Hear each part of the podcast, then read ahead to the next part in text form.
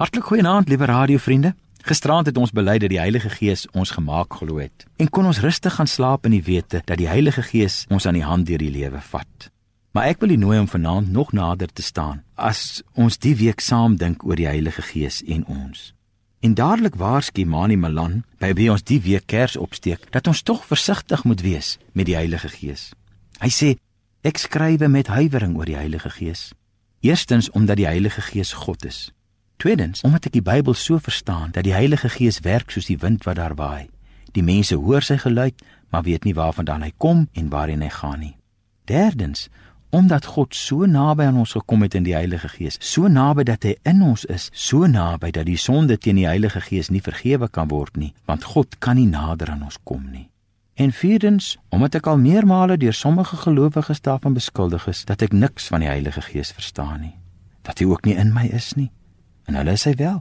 Daarom skryf ek met huiwering oor die Heilige Gees, omdat ek nie oormoedig daarop aanspraak kan maak dat ek onfeilbaar deur hom gelei word nie.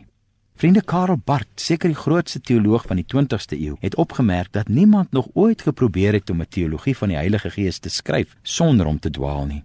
Dit maan ons so saam met Mani tot versigtigheid en beskeidenheid. Maar wat vir my wel duidelik is, is dat ons nie, om dit nou maar plat te stel, met die Heilige Gees hoef te dweep nie. Die Heilige Gees is God. Hy's almagtig. Hy het nie nodig dat mense sy saak fanaties moet verdedig nie. Minste van alles teen die Vader en die Seun. Ek is seker dat die Heilige Gees nie afgeskeep voel as mense hulle geloof in die Here Jesus bely nie. Dit is, so sien ek dit altans, juist die Heilige Gees wat ons lei en dryf om Jesus in die geloof te omhels. Die Heilige Gees is nie aan ons gegee om ons van Golgotha en die leë graf weg te lei nie. Hy neem ons aan die hand en lei ons juist daarheen en wys ons alles en herinner ons aan alles wat Jesus vir ons gesê en gedoen het. Daarom lei en spreek die Heilige Gees deur die Bybel. Hy sou ook sonder die woord kon spreek, want hy's God wat nie gebonde is nie, maar God hou hom aan sy eie woord.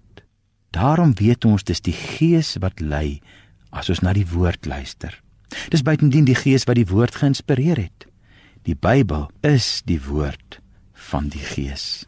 Daarom vriende, wil ek julle vanaand aanmoedig om u ore vir die Gees te spits deur die woord van God te lees.